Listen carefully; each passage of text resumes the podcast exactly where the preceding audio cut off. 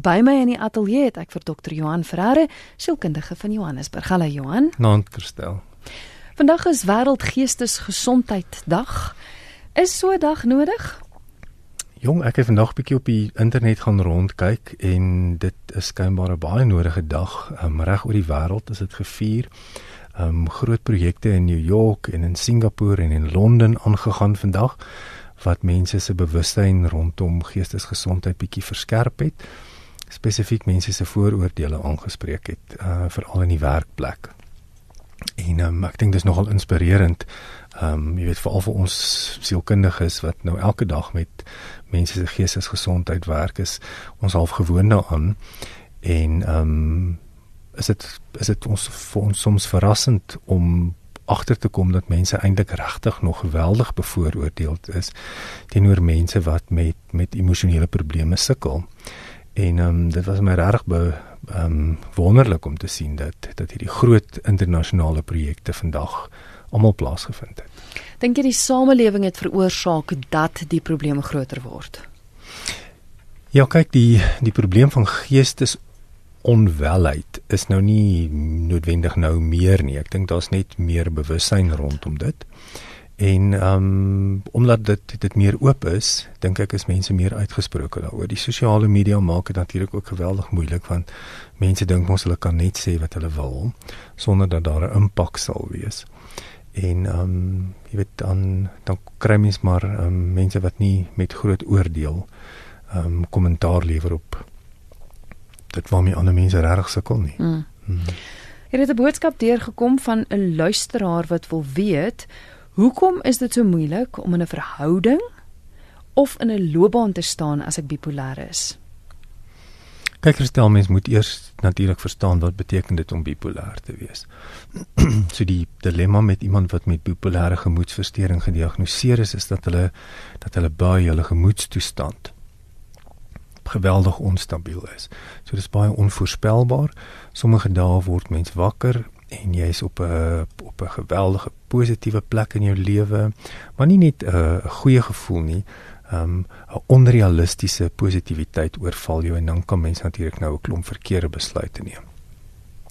Gewoonlik word so 'n 'n maniese fase, dis maar hoe ons die positiewe fase um noem, word dit gevolg deur 'n depressiewe fase waar die persoon dan tussen die twee pole, bipolêr, twee pole beweeg, dan raak die persoon dan geweldig depressief. Um, wat natuurlik die funksionaliteit in verhoudings en in 'n loopbaan geweldig geweldig uitdaag. En um, mense verstaan nie altyd hoe kan jy dan nou vir maande lank wonderlik en positief hmm. en vrolik voel en dan op 'n gegeewe dag dan draai jy by nie noodwendig op grond van 'n spesifieke stimulus wat gebeur het nie so 'n spesifieke trauma gebeur byvoorbeeld nie. Dit is 'n dit is 'n neurologiese proses wat gebeur in die persoon se brein en veroorsaak dat die die emosionele belewenis van die persoon geweldig onstabiel raak. So die voorspelbaarheid van die persoon se gedrag is problematies. Nie net vir die persoon self nie, maar ook vir die persone wat saam met die mens moet leef. So of die mense met wie jy in jou gesin saamleef of jou kollegas. So jy weet nie eintlik altyd wie die persoon is wat by die werk gaan opdaag nie. Ehm um, so die die die onvoorspelbaarheid en dan die die redelike breë spektrum van gedrag wat dan kan voorkom maak dit nogal uitdagend om met so iemand saam te leef. Veral as die persoon nie op die regte medikasie is nie en nie in terapie is nie. Dan is die dan is die veranderlikes nogal groot. Dink jy nie die feit dat mense dit nie verstaan nie Jy het net nou gesê. Dink jy nie dit dra by tot die feit dat mense so veroordelend is nie? Is omdat ons nie ja. verstaan nie. Kyk, dit is 'n dis 'n ehm um, dis 'n redelike kopskuif wat mens moet maak as jy nou glad nie weet wat iets soos depressie of iets soos bipolêre gemoedstoornis is nie. Want as jy nie weet waarvoor om te kyk nie, dan lyk dit maar eintlik net of hierdie mens moeilik is. Mm. Ehm mm. um, jy weet of hulle is lui of hulle is traag, uh of hulle of hulle praat te hard, hulle is te uitbundig, hulle is onverantwoordelik, hulle is impulsief. So die die simptome wat die persoon mee presenteer is gedragselemente. So as jy nie weet in watter kategorie om na daardie gedragselemente te kyk nie, kan dit eintlik maar net soos disrespekvolle gedrag of 'n uh, jy weet 'n ongeskikte persoon oorkom en en irriteer dit meeste mense net eintlik verskriklik. Ehm um, so mense moet probeer om in terme van sekere kategorieë te kyk en as die persoon aan 'n sekere hoeveelheid van die simptome voldoen, dan kan die diagnose eers gemaak word. En dan is dit natuurlik nou 'n lang pad na herstel toe. Dit is ongelukkig nie, jy weet, 'n buiversteuring is nie iets wat mens vinnig en maklik oplos nie. Maar die doel van vanaand se program is dat ons oor geestesgesondheid in die algemeen gesels. So enige vrae wat jy het, is jy welkom om te stuur. Ek het een gekry van anoniem wat sê ek het 2 maande terug uitgevind my man het 'n verhouding. Ek is 22 jaar getroud. Ons was baie gelukkig. Hy moes 'n jaar terug Kaap toe gaan om ons besigheid aan die gang te sit.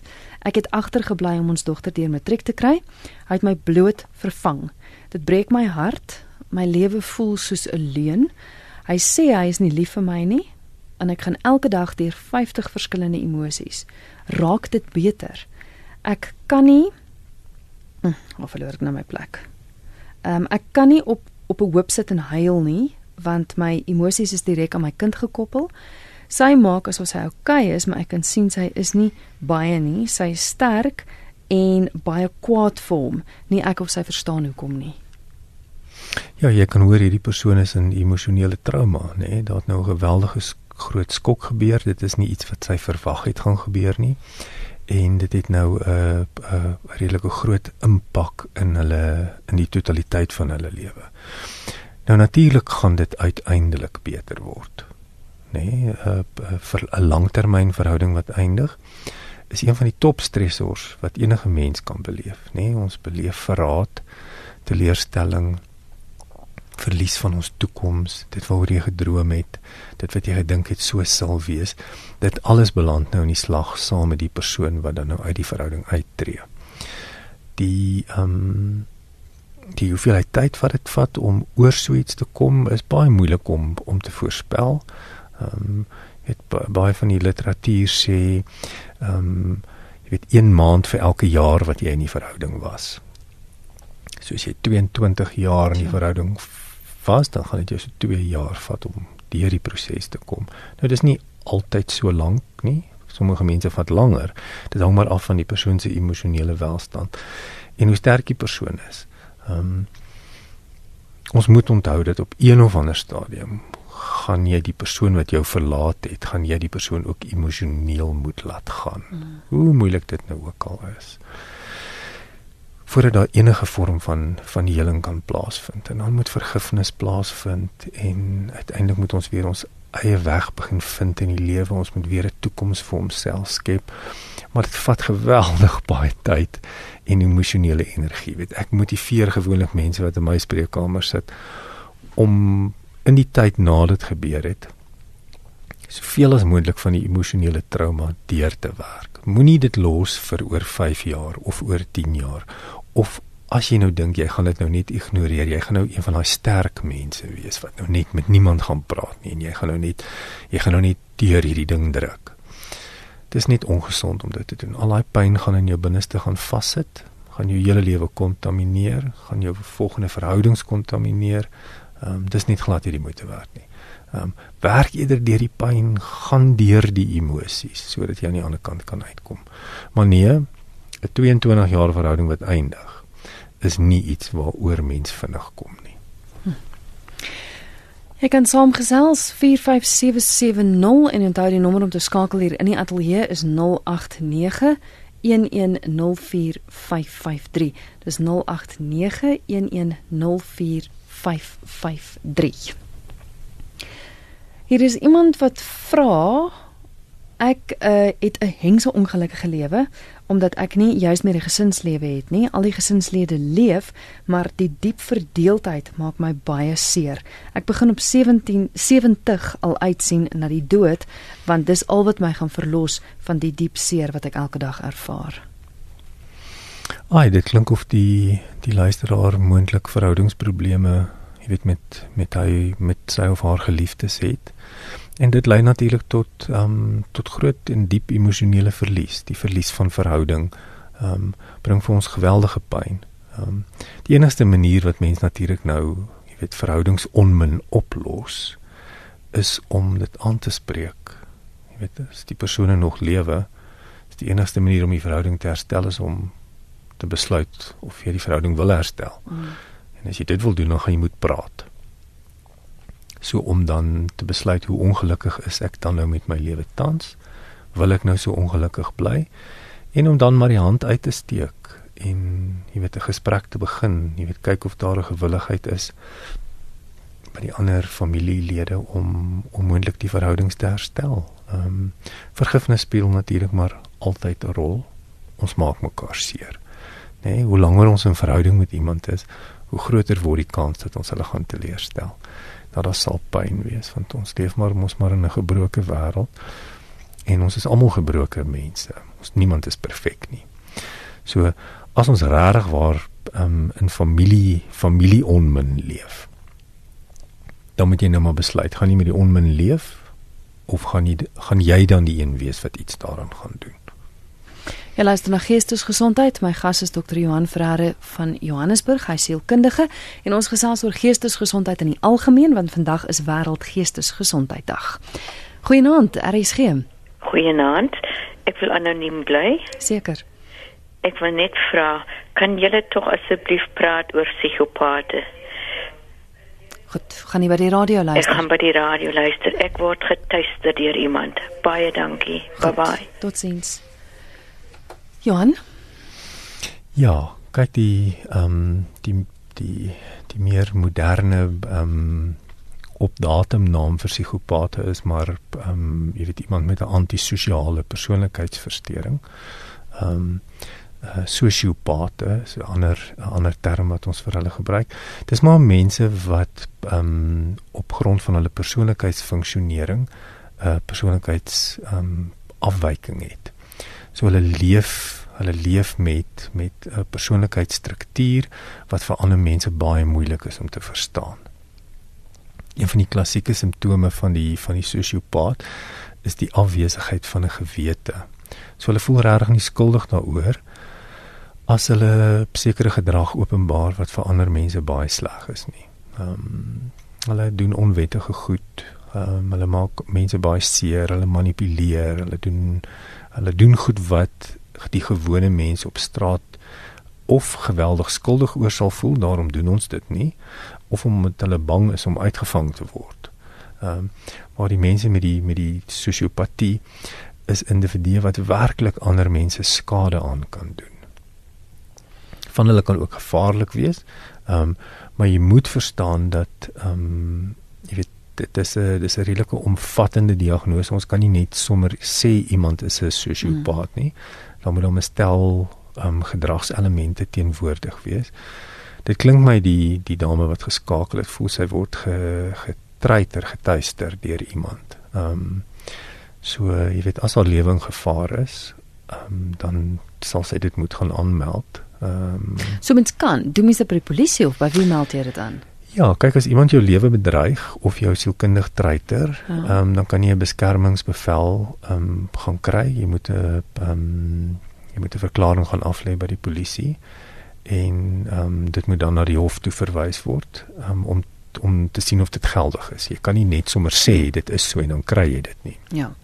Dis 'n wettige hofbevel wat dan die persoon ehm um, die instruksies gee om jou nie te bel nie, nie na weer toe kom nie, wat wat ek al die aard, die die die terme van die van die beskermingsbevel dan nou is. So as mens voel dat jy getreiter word, dan kan mens iets daaraan doen. Ehm um, Ja, maar as so 'n persoon nie gewete het nie, wat se kans dat hy of sy hom daarin gaan steur? Dit is ongelukkig die dilemma as mens nou met met met ernstige psigopatologie te doen het, dan voel ehm um, jy weet hy individue baie keer dat hulle ook verhewe bo die wet is, so die wet geld nie vir hulle ja. nie. Dis wat hulle natuurlik nou so gevaarlik maak. Mm.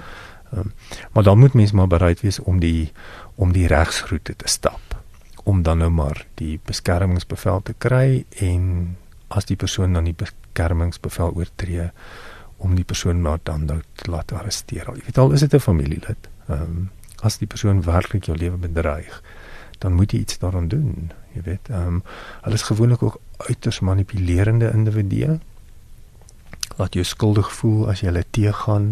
Ehm um, so dis 'n redelike komplekse verstoring ehm um, in terme van van hoe mense optree. Ehm um, hulle kan ook baie aangename, slim, ehm um, vaardige individue wees. Baie oorredend uh kan mense manipuleer om hulle te glo al het hulle iets gedoen wat onwettig of verkeerd is. So dis 'n dis maar 'n glibberige tipe van van psigopatologie en baie moeilik eintlik om uiteindelik ehm um, jy weet die persoon gestop te kry. Mens moet maar jy weet die regsproses naderhand inwin as die persoon gevaarlik is. Ja, maar dit is nogals want ek meen sê nou dis te laat. Verstaan ek ek meen as jy as die regsroete die enigste uitweg is want ek meen sê nou maar iemand word gediagnoseer daarmee jy hmm. as sielkundige kan nie so 'n persoon opsluit nie. Die persoon nee. moet eintlik tegnies eers iets verkeerd doen voordat Ja, die persoon moet die wet oortree en dan moet die die persoon moet gevang word. Ehm um, maar omdat van hierdie individue so vaardig en so slim en so vindingryk is, ehm um, jy weet is dit regtig baie moeilik om dit te doen. So sosiopate is nie jy weet dis nie dis nie ehm um, 'n aardige ehm um, jy weet mense met mm. horentjies op hulle kop nie. Jy weet hulle leef tussen ons. Mm, dis mm. dis hulle lyk like soos gewone mense. Ehm um, hulle tree net hulle tree net baie vreemd op in terme van sosiale verhoudings byvoorbeeld. En is dit ook iets wat geneties oorgedra word of gebeur daar iets in 'n persoon se lewe wat hom 'n psigopaat maak? Daar is daar is definitief bewyse dat daar 'n genetiese geneigtheid mhm. is. So ehm um, pivot persoonlikheidsversteurings is 'n uh, ehm um, is geneig om om geneties oorgedra te word, maar 'n uh, spesifieke trauma, 'n ernstige trauma, herhaalde trauma in die kinderjare en die tienerjare kan definitief ook lei tot persoonlikheidsversteurings. Hm. Goed, kom ons kyk. Ons het 'n oproepe wat deurkom. RSG goeienaand. Goeienaand. My naam is Elsie. En ek wil graag vir julle ook 'n paar iets vra om te hoor of u vir dit vir my. Seker, jy's oplig.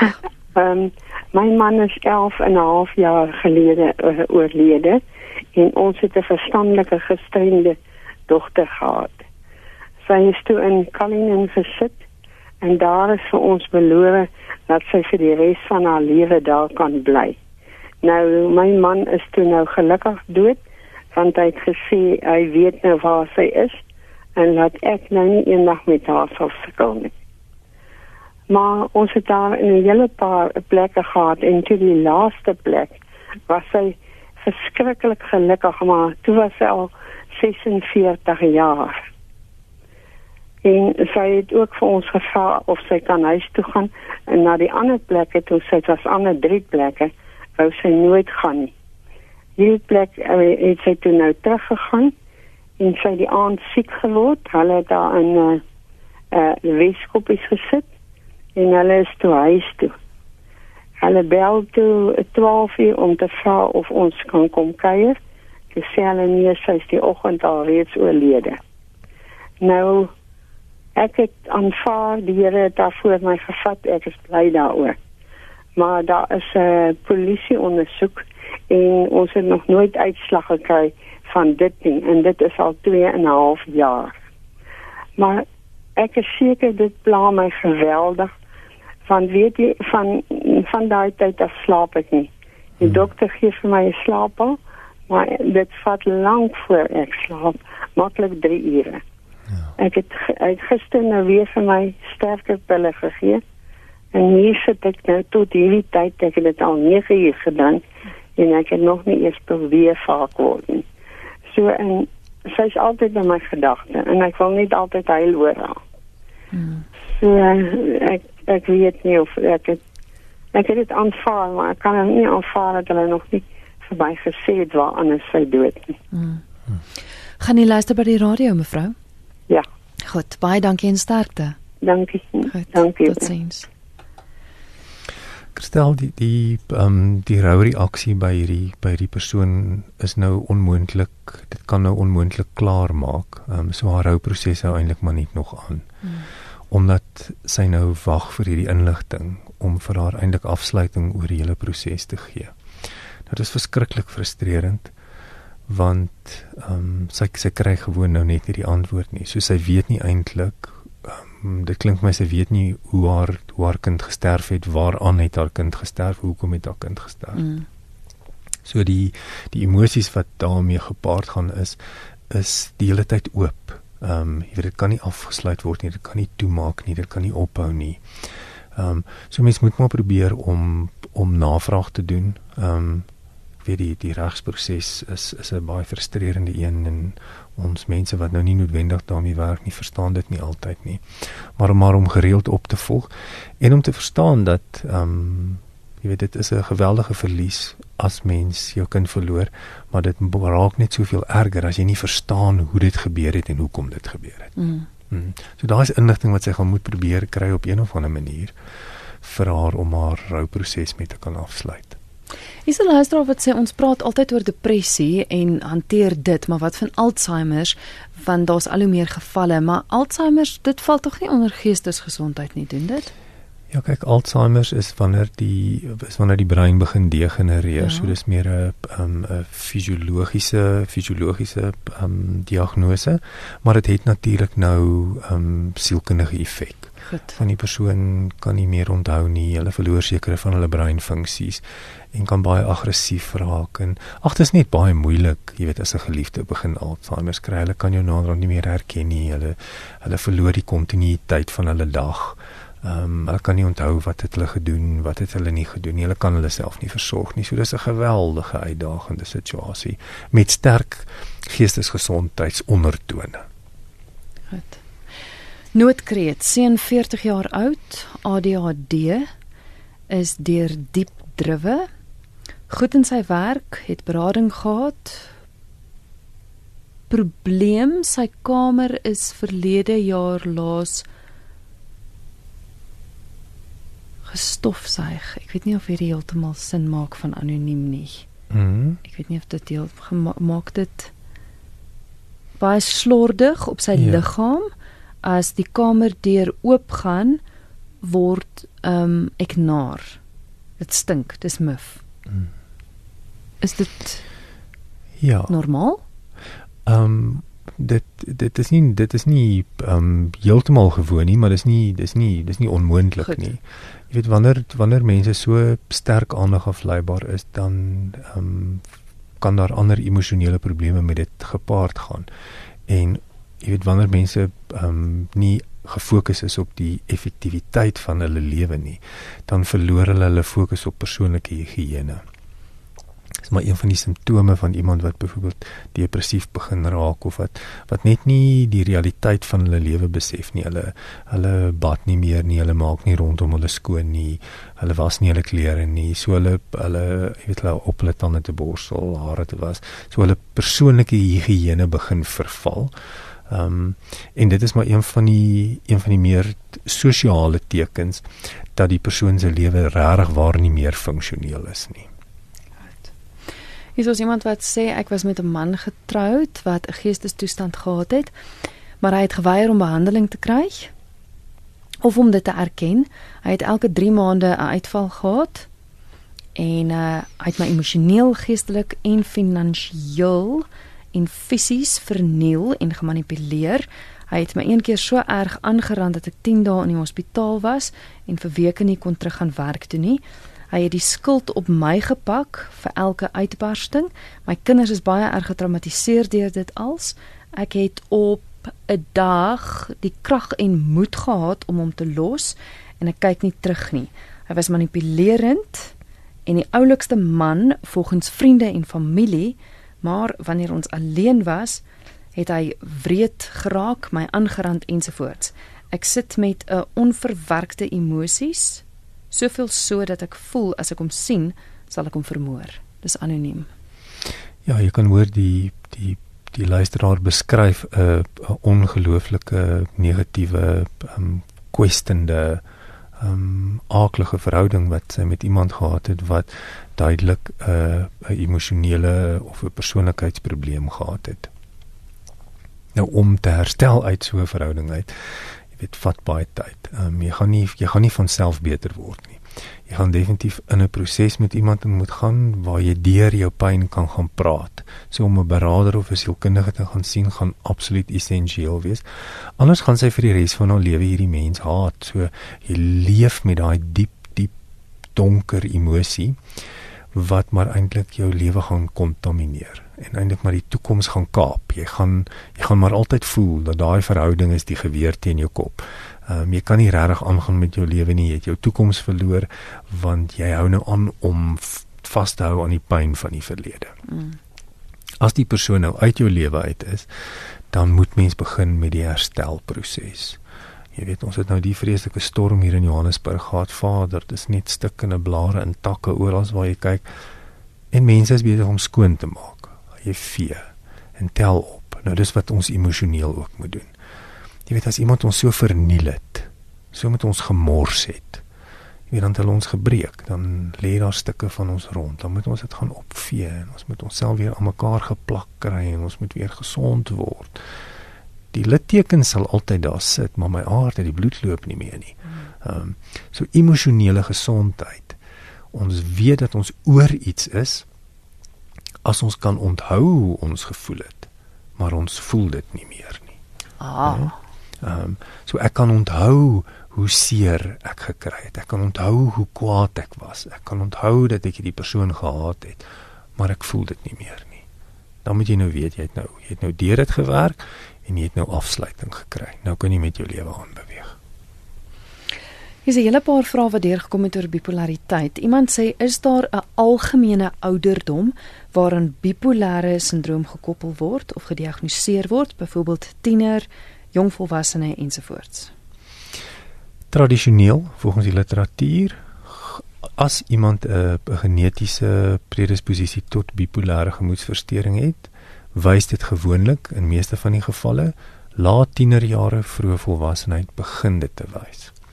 Maar natuurlik nou is daar altyd uitsonderings. Ehm um, daar's daar's ehm um, mense wat baie vroeg in hulle lewe reeds tekens daarvan begin wys selfs in hulle kinderjare en dan is daar mense wat heel wat ouer is wat vir een of ander rede een of ander trauma beleef en dan lyk dit of die simptome dan nou uiteindelik aanskakel. Ehm um, so daar's nie daar's nie 'n absolute reël nie. Die grootste hoeveelheid mense wat met die met die verstoring gediagnoseer word, ehm um, is in laat tienerjare vroeg volwassenheid. Ja, want die persoon vra juis kan jong kindertjies bipolêr wees en hoe identifiseer 'n mens dit veral omdat hulle nog emosioneel ontwikkel? Dit is seker vrek moeilik om te diagnoseer. Mens moet dit baie baie versigtig doen en dit moet deur 'n uh, in my opinie moet dit deur 'n span mense gedoen word. Dit kan nie net deur een mens gedoen word nie. So om 'n psigiater te sien, 'n sielkundige te sien, 'n arbeidsterapeut te sien, 'n hele span mense te sien as jy met met met kinders en tieners werk met emosionele probleme en dan om dit oor tyd te doen. Ons kan nie net in 'n uur of in 2 ure of in 'n week 'n tiener en 'n en 'n kind diagnoseer met 'n gemoedstoornis nie. Dit vat baie lank om dit te doen en dit moet met groot omsigtigheid gedoen word en dit dit spruit maar voort uit die gedrag wat die kind openbaar. Die emosionele onstabiliteit. Eendag is die kind vrolik en gelukkig en bly, geen spesifieke sneller veroorsaak dit nie en dan 'n paar dae later verval die kind in 'n diep donker depressie Ehm um, so ons moet 'n bepaalde patroon kan identifiseer en ons moet die patroon oor tyd kan identifiseer. En dan kan dit begin behandel word. Die dilemma met die herhaling van simptome, jy weet episodes van depressie en van bipolêre gemoedstoornis is dat hoe meer kere daar episodes is, hoe hoe erger word die episode. So ons wil eintlik so vroeg as moontlik die regte diagnose maak en die regte behandeling begin toepas sodat daar nie 'n herhaling van episodes is nie. Want as jy op 15 en op 17 en op 25 en op 27 herhaalde episodes gehad het, dan is jou episodes op 27 baie erger en meer disfunksioneel as in jou vroeë 20's. Goed. Dieselfde luisteraar wil weet wat veroorsaak so 'n afwyking en wat is die tydperk om en by wat 'n mens behandeling of behandel moet word. Meeste ehm um, meeste mense moet hulle hele lewe lank vir bipolêre gemoedversteuring behandel word chemies deur mm -hmm. middel van medikasie en moet van tyd tot tyd in 'n terapeutiese proses wees. So ehm um, dit beteken nie dat jy die res van jou lewe sielkundige hoef te sien nie, maar jy gaan van tyd tot tyd wanneer ehm um, dinge vir jou te veel word, gaan dit jou gaan dit jou regtig waar goed te staan kom as jy in 'n terapeutiese verhouding met iemand kan wees. Meeste mense indien hulle 'n gewettigde diagnose van bipolêre gemoedversteuring het, moet vir die grootste gedeelte van hulle lewe op medikasie wees indien hulle die die stabiliteit daarvan wil geniet. Jy luister na Geestesgesondheid. Dit is 20 minute voor 12. My gas is Dr. Johan Ferreira, sielkundige van Johannesburg en ons gesels oor Wêreldgeestesgesondheidsdag. Dit is vandag daardie dag en daar is uh, dis ook die rede waarom ons dan oor die algemeen praat hieroor. Hier's 'n luisteraar wat sê my dogter is al baie jare bipolêr en op verskillende medikasie. Sy 36 en amper 'n jaar getroud en wil 'n baba hê. Wat is die uitwerking van die medikasie op 'n ongebore baba? Ryker stel ek stel nou nie 'n mediese dokter nie, so ek gaan nou nie daai een kan antwoord nie. Ehm um, al wat ek kan sê is jy moet die persoon moet asseblief met hulle psigiater daaroor praat. Ehm um, ek ek is bewus daarvan dat daar sekere medikasies is wat veilig is tydens swangerskap, maar ek gaan nou nie vir my daaroor uitlaat nie. Praat asseblief met jou ginekoloog of met jou psigiater of met jou huisdokter voor ehm um, jy weet voor jy met die medikasie en die swangerskap aangaan. Ja, en ek weet ook want mense gaan seker eers moet kyk of die medikasie wat veilig is met jou akkodeer want mens Ja. Want verskillende medikasie werk mos maar verskillend, né? Ja, jy weet ons ehm um, jy weet jy, jy moet maar teruggaan na die persoon wat vir jou met die medikasie voorgeskryf het en sê weet jy ek is nou reeds swanger of ek beplan om swanger te raak wat is ons opsies? En dan sal jou psigiater of jou of jou ginekoloog of jou huisdokter nou vir jou die beste raad daaroor kan gee. Ons kyk gou ons uh, het nie nou 'n oproep nie daar was net na 108911045530 0891104553 dis die nommer om te skakel as jy wil saamgesels.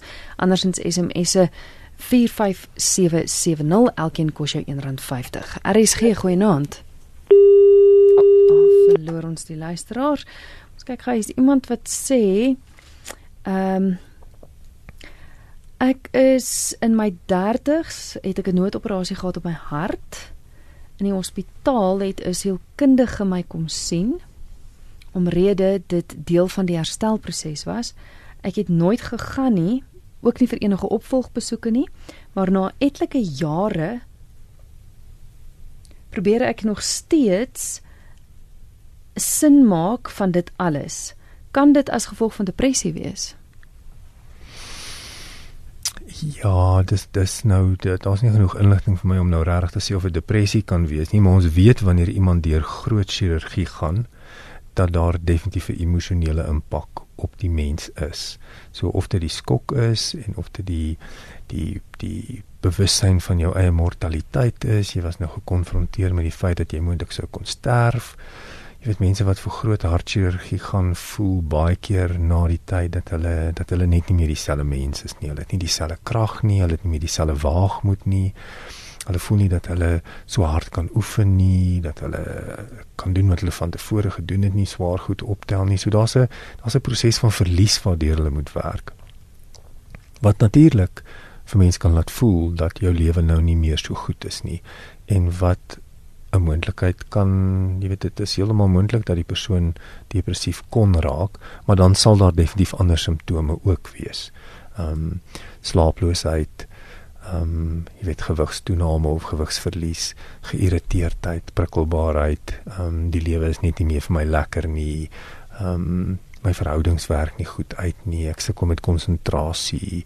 Ek wil die hele tyd slaap of ek kan glad nie slaap nie. So daar's hele daar's hele ehm um, kombinasie van simptome wat ons na sou moet kyk. Sou dit ook wees hoekom hulle destyds 'n sielkundige gestuur het om met die persoon te praat? Man, weet jy, um, as ons dit nou net kan beklemtoon, dat weet um, ons leef regtig in 'n tyd waar holistiese behandeling Goed. uiteindelik nou die lig gesien het en waar ons nou besef dat ons nie net 'n liggaam is nie. Ons het dan nou nog 'n verstand en emosies en 'n hart en 'n gees. Jy weet daar's 'n daar's 'n hele pakket wat behandel moet word. En baie mense gaan lê in die hospitaal en hulle gaan deur groot chirurgie en dan dan negeer hulle net eenvoudig die effek van van die emosionele impak op hulle. En dan ongelukkig moet mens maar die gevolge daarvan dra. So indien jy deur groot chirurgie gaan en daar land is sielkundige by jou in die hospitaal op, ja asseblief gebruik nie die geleentheid. Ehm um, jy weet moenie moenie dit van die hand wys nie. Iemand vra gou kan jy asseblief gepraat oor skizofrenie? Skizofrenie is nou een van die meer ernstige psigiatriese ehm um, ehm um, diagnoses. Jy weet waar die persoon 'n 'n breek met realiteit het. So ehm um, daar's hallusinasies betrokke, die persoon sien goed, hoor goed, ruik goed wat nie daar is nie. So om skizofrenies te wees dan moet daar ehm um, daar daar kan delusies wees, so hulle dink sekere goed wat nie so is nie. So die die die hoofdiagnostiese kriteria daar is daai die breek met realiteit. Daar's daar sekere goed wat gewoon deur die persoon beleef word wat net nie so is nie.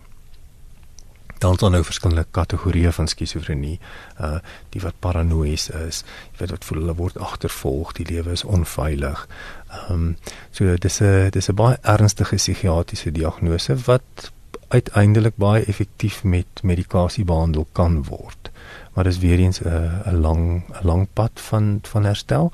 Maar ehm um, daar's daar's daar's baie effektiewe behandelingsstrategie daarvoor. Goeie nuus want dis iemand wat sê 27 jaar oud wat vra wat is die moontlikheid van totale normale inskakeling in die samelewing van iemand met skizofrenie. So behandeling is moontlik. Behandeling is moontlik, maar onthou nou dis langtermynbehandeling. Dit is definitief chemiese behandeling, so farmakologie, jy moet medikasie daarvoor drink. Jy moet. Hmm. Anders gaan jy ehm um, jou jou denkpatrone raak irrasioneel. Jy gaan goed dink, jy gaan goed beleef, jy gaan goed sien, jy gaan goed hoor wat nie bestaan nie. En dit is uiters disfunksioneel. Dis wanneer mense gevaarlik raak vir hulle self en vir ander mense. Maar as jy as jy 'n goeie psigiater gaan sien, ehm um, wat vir jou op die regte medikasie kry en in disfunksionele tye sien jy 'n terapeut, dan kan jy eintlik 'n relatief normale lewe lei. Ehm um, vir meeste van hulle Iemand sê wat van ons wat grensskade het, geen medies, wat nou? Ja, kyk, ek dink dis nou maar iets wat ek en jy elke keer so vinnig aanraak is die hele generasie van Suid-Afrikaners wat nou maar leef met die posttraumatiese stres van van die oorlog ek neem aan dis waarna die persoon verwys. Ehm um, wat net nie behandeling ontvang het nie. Mhm. Ehm um, jy weet so ehm um, as jy as jy nie medies het nie om jy weet um, by een van die staatsinstansies by een van die psigiatriese um, klinieke wat deur die die staat bestuur word um, iemand te gaan sien. Uh, onopgeloste posttraumatiese stres gaan na disfunksionaliteit toe lei. Um, dit is net so. Mhm. ehm um, jy het terapeutiese ondersteuning daarvoor nodig. Mens moet deur daai trauma werk. Anders kan dit vir jare en jare en jare net daar bly sit en jou verhoudings raak disfunksioneel en jy raak kwesbaar vir verslawings dis net nie 'n goeie prentjie nie. En daar is plekke wat hulp aanbied. Ek weet hom Koramdayo was op 'n stadium deel van die program gewees. Ek het met Dominee Andrei Botha gesels hmm. en Koramdayo is is in Pretoria onder andere wat 'n fantastiese plek is wat ja. as jy nie kan betaal nie, bied hulle vir jou gratis hulp aan. Daar ja. is mense wat wil help. Daar is mense wat hmm. wil help en baie keer um, om deur posttraumatiese stres te werk. Um jy weet is 'n is 'n is dit is nie 'n proses. Jy moet mm. jy moet net daarmee begin. Ja. Die dilemma is net dis so moeilik om die deksel van daai nare hoop goed op te lig en weer laat te gaan kyk. Dat meeste mense dit maar net probeer vermy. Mm.